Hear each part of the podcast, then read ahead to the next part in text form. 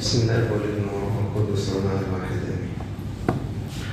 آه، إحنا الخلوه بتاعتنا المرة دي آه، اسمها أتحبوني ارعى غنمي. آه، الحوار اللي دار بين الرب يسوع وبين معلمنا بطرس بعد القيامة واللي بان فيه إنه الريفليكشن بتاع المحبة لربنا هي خدمته. يعني الانعكاس بتاع ان الإنسان بيحب ربنا هو إنه يخدمه. الحقيقة إحنا بيبقى عندنا خلوة واحدة في السنة للخدام وبنحاول إن إحنا ال- الخلوة دي تبقى فرصة لإن إحنا آه، نجدد فيها آه، طاقتنا واشتياقاتنا ونفكر أنفسنا بإنجاز التعبير اساسيات قديمة والأساسيات القديمة دي ممكن تكون بالنسبة لخدام بقالهم خمس و10 أو 15 سنة وممكن تبقى لسه أول مرة تتسمع آه، بالنسبة لخدام آه، بينضموا آه، جديد للخدمة أو بقالهم سنة أو سنتين. المرة دي فعلا عودة إلى القديم يعني الثلاث كلمات اللي هناخدهم في الخلوه دي هم آه، بشكل أو اخر مبنيين من خلال الكتاب القديم دوت اللي الاجيال القديمة هتبقى فاكراه بشكله آه، والأجيال الجديدة متاح ليها آه، الطبعه الجديده من الكتاب يعني إحنا جايبينها معانا للي ما عندوش الكتاب ممكن إن هو آه، يشتريها. اسمه كتاب الخدمة. كتاب الخدمة آه، كل الجيل القديم اللي موجود درسوا في إعداد خدام عندنا في كنيسة مارجرجس كان بيعتبر أحد المواد الأساسية اللي بتدرس آه، زمن طويل عدى على الكتاب دوت يا ريت الباب ده ما نفتحوش تاني بعد إذنكم. اللي عايز يجي يلف من ورا. ما نفتحش الباب ده تاني. آه، زمن طويل عدى على الكتاب بس لما تيجي تقراه تاني لو كنت قريته زمان تحس يا الكلام ده محتاجين نفتكره. الكلام ده محتاجين يتسمع تاني. الكلام ده محتاجين نقوله للجيل الجديد اللي بينضم للخدمة. لأنه دي زي أساسيات في خدمة التربية الكنسية بالذات. آه، هناخد من الكتاب ده هو الكتاب محتواه كبير خالص مش هنقدر نغطي منه طبعا إلا حاجة قليلة خالص. ففي مرة زي دلوقتي هناخد كلمة عن إيه هي الخدمة ومرة تانية هناخد حاجة بسيطة عن الخادم وبكرة بنعمة ربنا هنسمع حاجة عن المخدومين. الغالبية بتاعت الكتاب بتدور حوالين الخادم بيتكلم عن الخدمة في جزء صغير هشترك فيه دلوقتي وجزء آخر في آخر الكتاب بس الجزء اللي في آخر الكتاب ده يتقري ما يتوعظ. بيفرق بين المنهج الأرثوذكسي والمنهج البروتستانتي في الخدمة وفي التعليم. آه، حاجة ممكن الواحد يقراها الفرق بين العقلية الشرقية وال- والعقلية الغربية؟ آه، تتميز بإيه العقلية الشرقية الأرثوذكسية بتاعتنا؟ آه، وهكذا. فالجزء ده ممكن أنت تقرأه قراية. لكن الجزء اللي إحنا هنتشارك بيه دلوقتي آه، الكتاب هو بيناقش إيه هي الخدمة؟ وتحديدا آه، خدمة زي مدارس الاحلام إيه هي الخدمة؟ الكتاب بيفرق بين حاجتين مظاهر الخدمة وجوهر الخدمة. مظاهر الخدمة وجوهر الخدمة. فبيقول مظاهر الخدمة هي الترتيبات والأنظمة اللي بتتحط عشان خدمة معينة تمشي. يعني عندنا اجتماع خدمة كل يوم خميس عندنا توزيع عندنا مقسمين من خمسة لتالتة إعدادي خمس فرق وكل فرقة ليها أمين. وعندنا أمين عام للخدمة وعندنا مناهج. مختارين مناهج معينة. المناهج دي منهج من الأسقفية. وفي منهج لقداسة البابا تودروس وبعض الدروس اللي إحنا كنا جهزناها زمان. ده اسمه مظاهر الخدمة. عندنا بتتعمل أنشطة. عندنا وقت يوم الاثنين متوزع بالشكل الفلاني إنه في فترة ترانيم وفي فترة صلاة وفي فترة درس. كله دي اسمها مظاهر الخدمة. مش بمعنى إن هي حاجة وحشة وكلمة مظاهر لا يعني الترتيبات الخارجية لكن ما هياش دي جوهر الخدمة دي عاملة زي ما يكون الأطباق فين الأكل بقى فاهمين قصدي؟ يعني دي الأواني فين المحتوى؟ فين الخدمة؟ هل هي الدروس؟ لا الدروس دي ده اسمه التعليم والتعليم ده جزء من الخدمة ما هواش كل الخدمة يعني ده سلاح من أسلحة الخدمة أداة من أدوات الخدمة. لازم يكون موجود تعليم قطعا لازم يكون في تعليم. ولازم التعليم ده يكون تعليم آه أرثوذكسي يعبر عن هوية الكنيسة اللي إحنا بنخدم فيها ويكون تعبير ويكون تعليم إنجيلي مستند على الكتاب المقدس ويكون تعليم في تطبيقات عملية وحياتية للشباب. يقدر الواحد يطبقها في حياته العملية ويستفيد بيها في حياته العملية ده التعليم مهم إنه يكون موجود بس برضه الخدمة ما هياش فقط دروس تقدم أو معلومات تتحط طب ما إيه هو جوهر الخدمة؟ جوهر الخدمة إنك تنقل للمخدومين الحياة التي في المسيح يسوع. الحياة الأبدية أو حياة الله أو تسلمهم شخص المسيح بأقواله اللي قالها ووصاياه بأعماله الخلاصية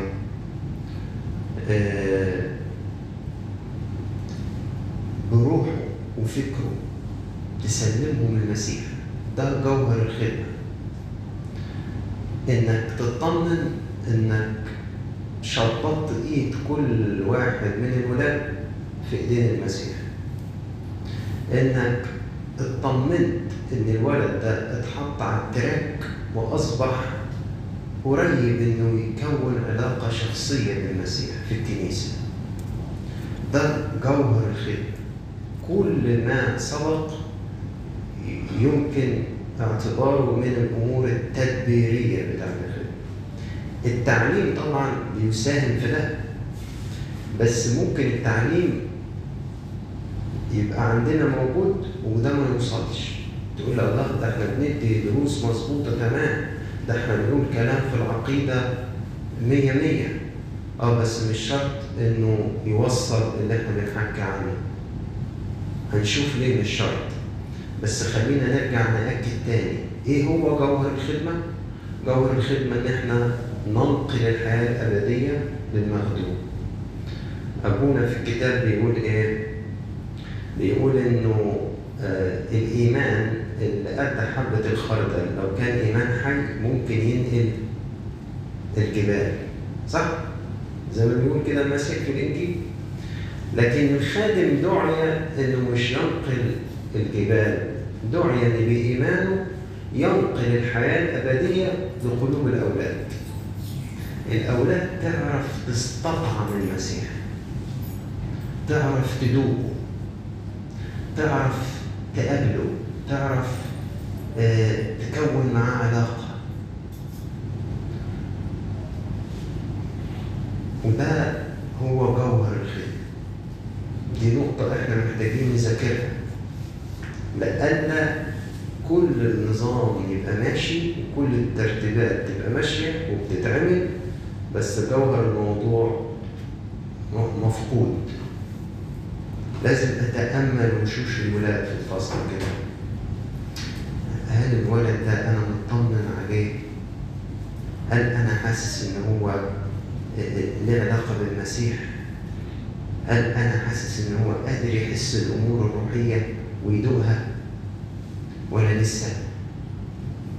أصلي له تاني وأقرب منه تاني وأقدم له محبة تاني وأهتم بيه و و و ودوقوا الإنجيل بطريقة حلوة وتابعوا لحد ما اطمن إن الولد ده حط رجله في السكة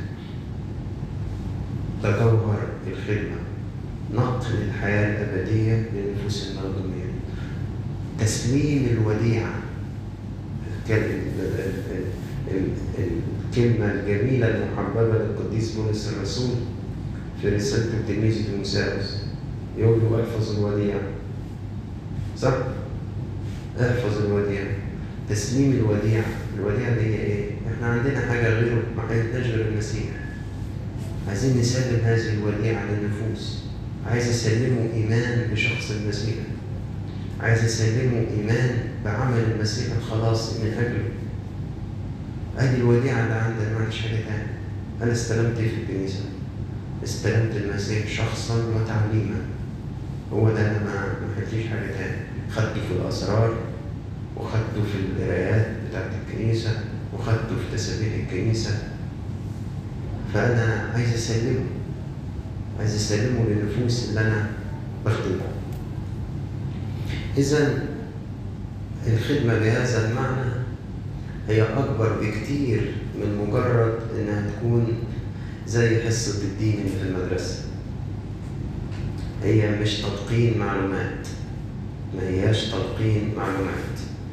وتلقين المعلومات لوحده يطلع ناس مخها مليان معلومات وخبرتها الروحية قد كده.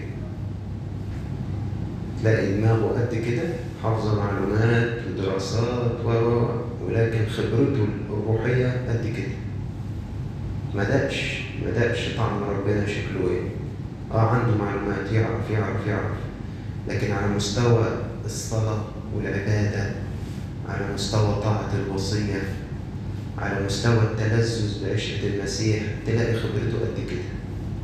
يقعد يسمع منك ومستعد إنه يبحث ويجادل و و و بالساعات. وقفة الصلاة عشر دقايق تتعب. ليه؟ لأنه مخه آه وسعناه له بمعلومات لكن ما سلمناهوش خبرة روحية يعيشها بربنا. آه آه الخدمة تسليم حياة. والتعليم أحد أدوات هذه الخدمة. غاية الخدمة العظمى توصيل الفرح بالمسيح إلى قلوب الناس. لما تلاقي الناس قبلت الكلام عن المسيح وبدأت تبقى فرحانة بيه اعرف إن الخدمة ماشية صح. الناس فرحانة بالمسيح. فرحانة إنها تسمع عنه فرحانة إن هي تسبحه. فرحانة إن هي تحضر القداس بتناول فرحانة إن هي تروح تعترف وتتوب فرحانة إن هي تخدم لما تلاقي ناس فرحانة بالمسيح يبقى الخدمة دي عرفت فعلا تحقق الهدف منها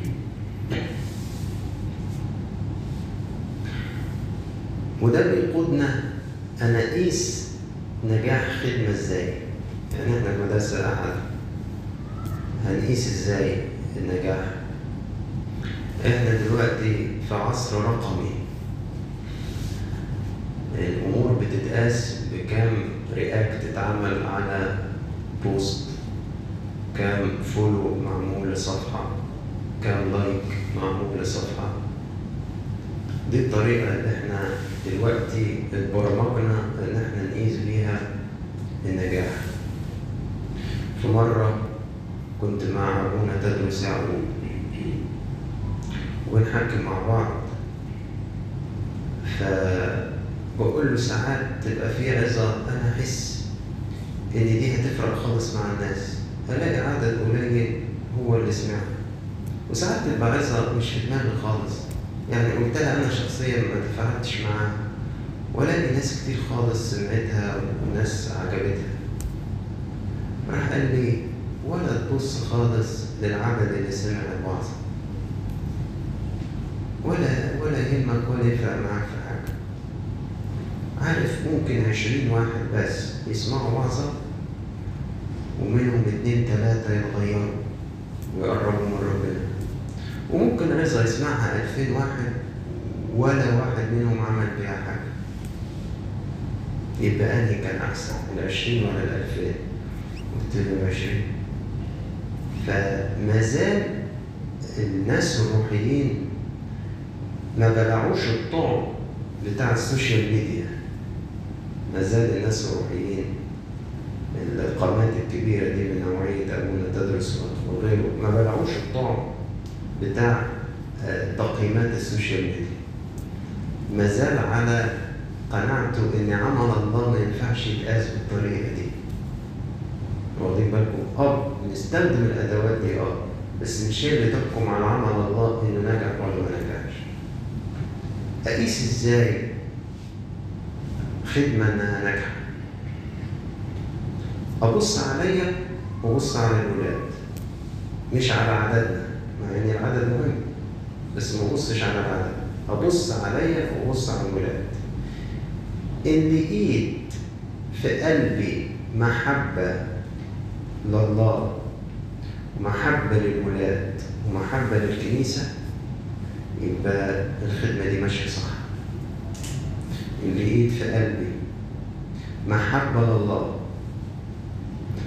خلتني عايز اخدمه ومحبة للولاد خلتني أتحمل التعب والمشقة عشانهم أنتوا معظمكم يا بيشتغل يا طالب. فغالبا اجتماع الخميس وخدمة يوم الاثنين الناس بتجيها جري. يعني إيه جري؟ يعني هو أساسا ما لحقش يروح يرتاح. ما لحقش ياكل لقمة واحد طالع من الشغل على طول. واحد جاي من الكلية على طول. إيه اللي يخليه يجي كده؟ إيه اللي يخليه يجي جري؟ إيه اللي يخليه ما يقولش طب أنا تعبان ما أنا ما أنا هاخد ريست إيه اللي يخلي واحد مزنوق وعنده امتحانات إن هو يضغط وقته وينزل يروح الخدمة أو ينزل يزور زيارتين افتقاد لاثنين من الأولاد؟ إيه اللي يخليه يعمل حاجة زي كده؟ إحنا الحمد لله الخدمه عندنا ما هياش شديدة. يعني ما عندناش كف ونون أستاذ بشوي زي ما أنتم شايفينه طيب جدا. وأنا زي ما أنتم شايفين آه شديد بس أنا سلمت الأمور في إيدين الاستاذ بشوي. فيعني المعاملة حنينة خالص. مفيش إجبار على حاجة. فإنك تعمل كده جوه خدمتنا دي معناها إن في موتف داخلي جواك. لو عملتها في خدمة تاني ماشيين بال كده وفي خدمات ماشية كده بس عشان التسجيل فأنا مش هجيب أسماء. في خدمات ماشية يعني واحد زائد واحد يساوي اثنين فممكن هنا أقول إن الخادم نازل مشدود. أو اصله خايف من كذا أو خايف من ابونا أو عين هم أستاذ فلان. لكن هنا اللي هيعمل كده ده عنده موتف داخلي دافع داخلي خلاه يزنق وقته وينزل زر الافتقاد دي رغم إن عنده امتحان. إن هو يجهز الخدمة الفلانية. إيه الموتف ده؟ زي ما بقول لك محبة لله محبة للولاد محبة للكنيسة. محبة لله محبة للولاد محبة للكنيسة. الخدمة دي مر عليها أجيال من هذا النوع. هو لازال لازال فيها. بس عايز أقول لك إن الأجيال القديمة بتاعتها السمة دي كانت كمان باينة فيها بوضوح. واثق إن هيبان أكتر وأكتر في الأجيال اللي قاعدة قدامي نماذج خدام عدت على الخدمة دي كانت بتضحي بفلوس عشان تبقى موجودة يعني يبقى في عدد ساعات شغل كان ممكن يتزود بالليل عشان يزود الدخل وهم اختاروا إن ساعات الخدمة الساعات دي تترتب الخدمة مع إن كان ممكن تزود لهم دخلهم.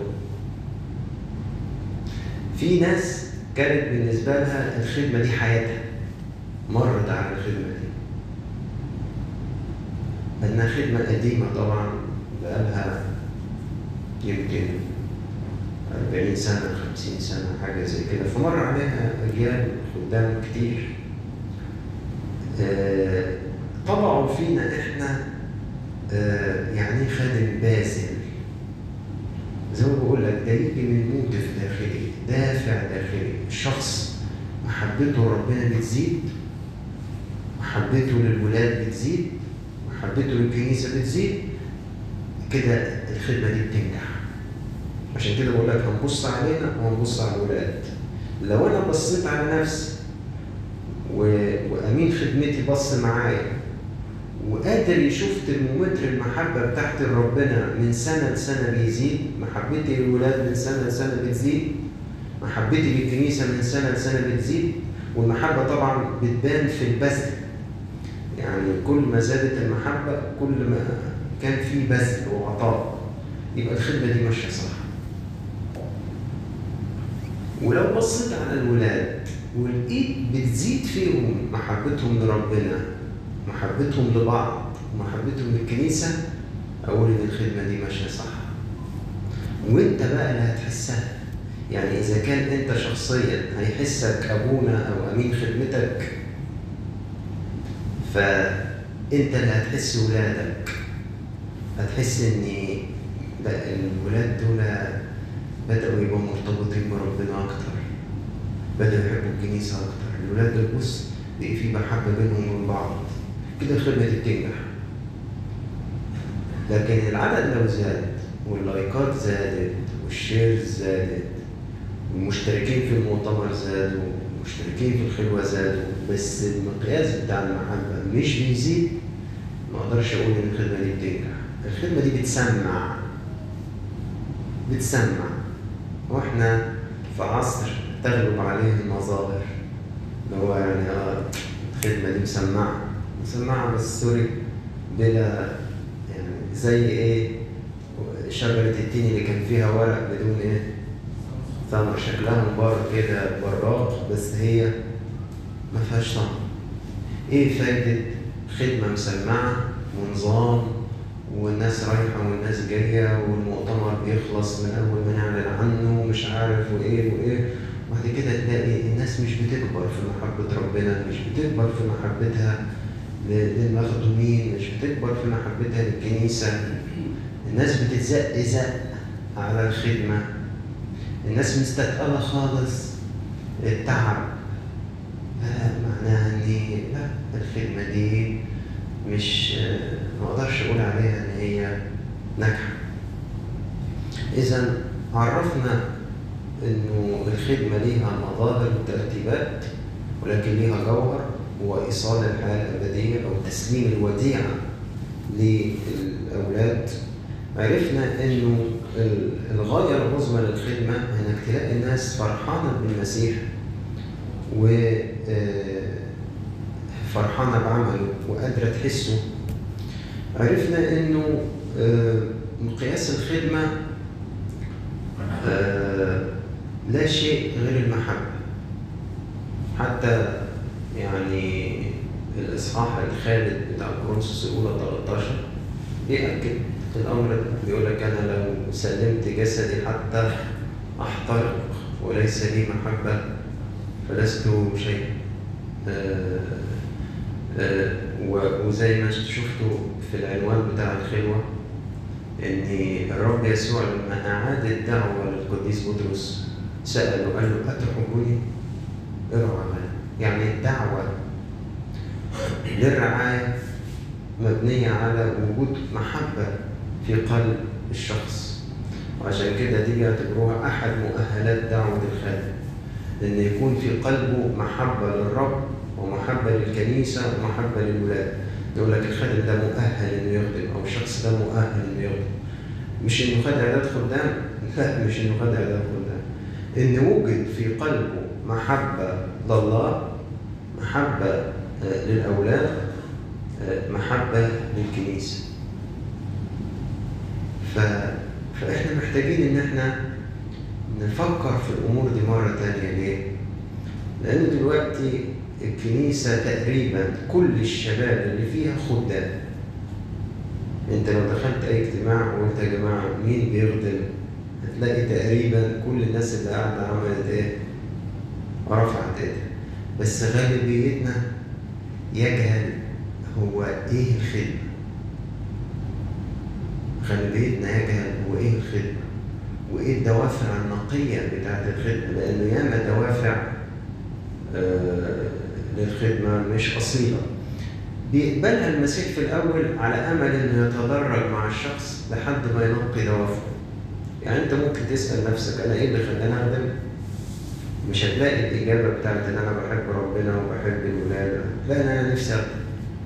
نفسي أعمل حاجة يعني مفيدة. نفسي أنا أتعلم أكتر. يعني غالبية الناس بتدخل الخدمة بقصد انتفاعي روحي. يقول لك أصل أنا عايز أنمو. داخل الخدمه عايز أكبر عايز أنمو روحيا عايز أكون موجود في وسط روحي ينميني. أيوه هو ده فعلا اللي جواه ساعتها. ده اللي في دماغه. طب هل هو ده فعلا الدافع اللي يجب إنه يكون موجود؟ لا مش هو. إحنا قلنا إن ال- الأمر كله حب. طب بس أنا مش كده دلوقتي. آه المسيح بيقبل على أساس إنه شوية بشوية تحصل نقلات في حياة الخادم. فيبتدي يتنازل عن المفهوم الانتفاعي ويبتدي يكون شعار حياته مخطوط هو العطاء أكثر من الاخذ الخادم اللي داخل عشان ينمو روحيا في الخدمة لما الخدمة تكون هتكلفه ياخد جنب. لما تكون هتكلفه وقت هتكلفه جهد.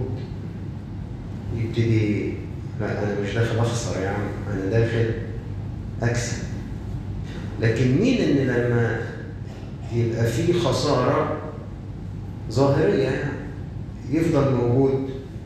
الشخص اللي اللي داخل يعطي مش داخل عشان ياخذ ده قابل جدا إنه يكون بيضحي بوقت من وقته آه، بيضحي بفلوس.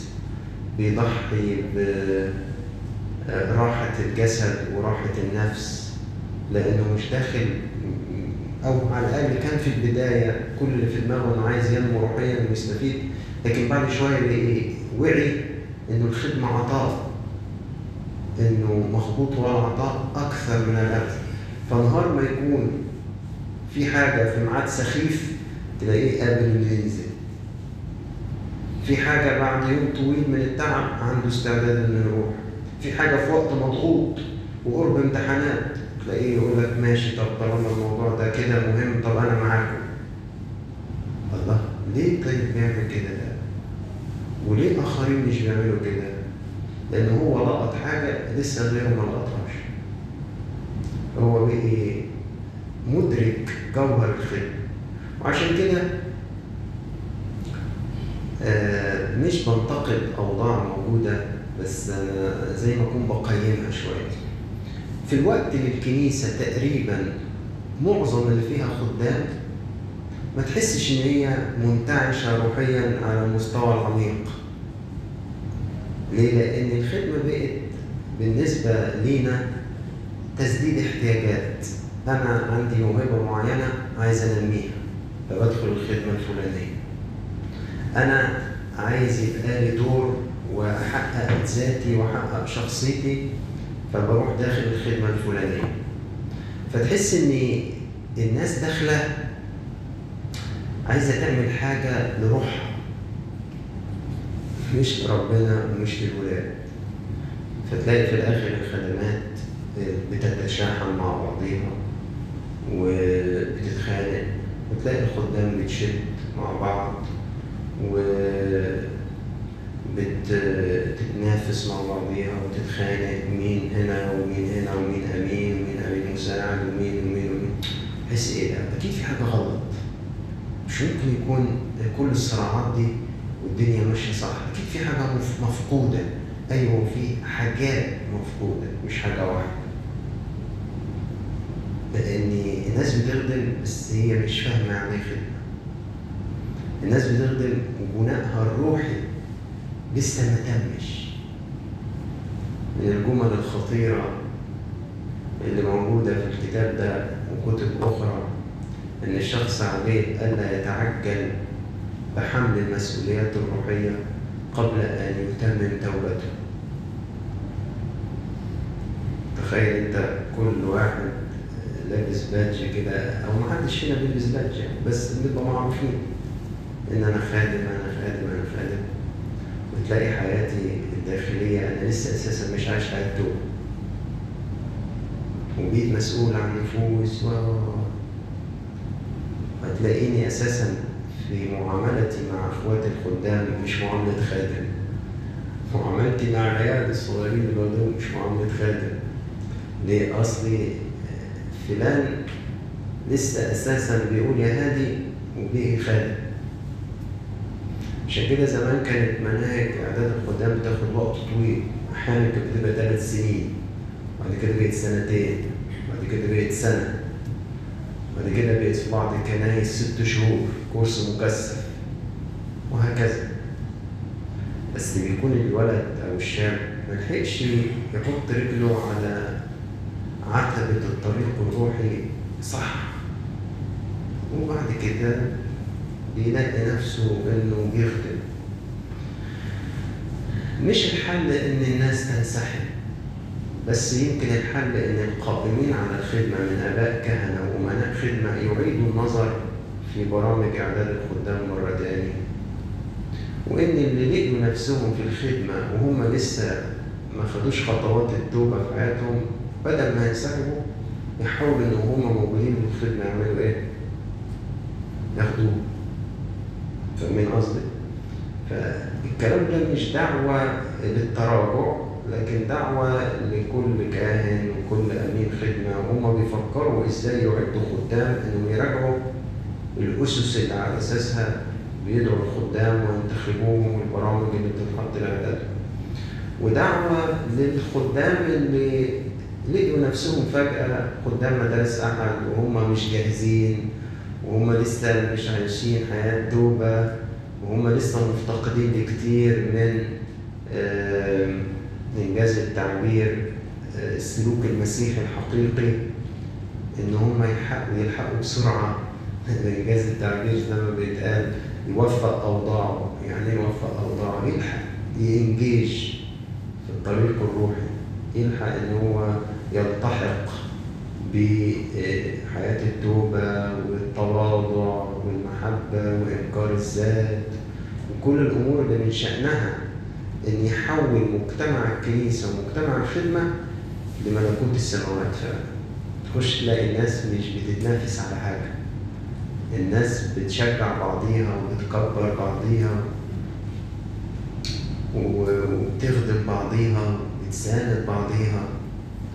فتقول إيه ده؟ الجماعه دول حلوين قوي أيوه هم عايشين الإنجيل بس. مش أكتر من كده. عايشين الإنجيل. فهتلاقيهم بيقدموا بعض في الكرامة هتلاقيهم معطائين هتلاقيهم بينكروا ذواتهم. هتلاقي ما ده الإنجيل. ما دي الكنيسة الأولى. ما هو ده بس هم بس عملوا كده. بس.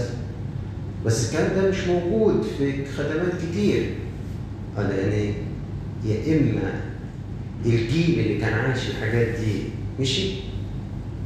يا إما إن الناس ما استلمتش الحاجات دي من الأساس. عشان كده الخدمة مش مش متظبطة مش مرتاحة فيها حاجة غلط. الخدمة الناس بتدي لبعض اكتاف قانونية. وأكتر حاجة بتبين كده الثلاث شهور بتوع الصيف. شوف الخناقة اللي على الزبون. الزبون ده اللي هو مين؟ الولد. تلاقي الخدمات بتتخانق عليه. مين ياخده؟ أحيانا أه تلاقي الخدمة الواحدة فيها كذا قطاع وبرضه بينهم تنافس. إيه اللي بيخلي الأمور كده؟ المفاهيم الغايبة اللي كانت تعتبر أساسيات بس خلاص اتنست أو أو بطلت الأجيال تستلمها أو تعرفها. أنا هكتفي في الكلمة الأولى بتاعتنا وهذكركم إحنا قلنا إيه. حاولنا نعرف الخدمة إيه هي فقلنا إن إحنا بنفرق بين مظاهر وترتيبات الخدمة وبين جوهر الخدمة. قلنا إن نظام مدارس الاحد بالسيستم بتاعه باجتماع الخدام بتوزيع الخدام باتخاذ مناهج معينة تعطى بتوزيع الوقت في يوم الاثنين شكلها إيه؟ في يوم الخميس شكلها كل ده اسمه مظاهر الخدمة. لكن ما هياش دي الخدمة. ولا التعليم اللي بيقدم في حد ذاته هو الخدمة لكنها أداة من أدوات الخدمة مع أهميته طبعا. وليه جوهر الخدمة؟ إن أوصل المسيح للولد. أوصل الحياة التي في المسيح يسوع للولد أسلم الوديعة للولد. وقلنا إزاي بتقاس الخدمة مش بتقاس بالعدد؟ مع إن العدد مهم لكنه لوحده ما يدلش. لو كان كتير ده مش معناه شيء بالضرورة هايل. ولو كان قليل مش معناه فشل بالضرورة. إنها بتقاس بإن ببص عليا وببص على الولاد هل محبتي لربنا بتزيد من سنة لسنة؟ هل محبتي للولاد بتزيد من سنة لسنة؟ هل محبتي للكنيسة بتزيد من سنة لسنة؟ هل الولاد بحس فيهم نمو في محبتهم لربنا؟ نمو في محبتهم للكنيسة؟ نمو في محبتهم لبعض؟ ده اللي بيبين إلى أي مدى الخدمة دي ناجحة، الأرقام لوحدها ما تنفعش. حتى لو كانت بتقول لك إن أنت جروينج آه لا مش مش هو ده اللي هيريحك. وحكينا على إنه غياب هذه المفاهيم بيخلق أجواء خدمة غير مريحة في الكنائس. وتبتدي الناس تفقد ثقتها بمصطلح خادم. الحكاية دي أنا حكيتها أكتر من مرة في أكتر من اجتماع. زمان لما اتخرجت جديد من كلية صيدلة كان المرشد الروحي بتاعي أبونا لؤى الحالي ربنا يديه الصحة كان شماس مكرس. فكانوا بيفتحوا صيدلية جديدة في مستشفى الإنسانية. المستشفى الإنسانية بتاعت الكنيسة. كانت الصيدلية اللي فيها لسه بتنشأ حديثا. وكانوا بيدوروا لها على صيادلة ياخدوا شفتات ف ابونا لؤى كان هو مكرس فراح قال لمدير المستشفى ساعتها كان اسمه دكتور شيرين إبراهيم. قال له ده أنا عندي ولد ممتاز من أولاد الكنيسة شماس وخادم بس فراح قال لي روح له أنا كلمت عليك وروح قابله. فاداني معاه ورحت رايح المستشفى الإنسانية. فدكتور شيرين ليه كاركتر كده فكان قاعد على المكتب وعمل كده. دخلت مساء الخير يا دكتور. نعم. قال لي انت مين؟ قلت له أنا فلان من طرف شمس لوع قال لي اقعد. قال لي انت خادم؟ قلت له آه. قال لي انت شماس؟ قلت له آه. أنا ما بخافش من الخدام والشمس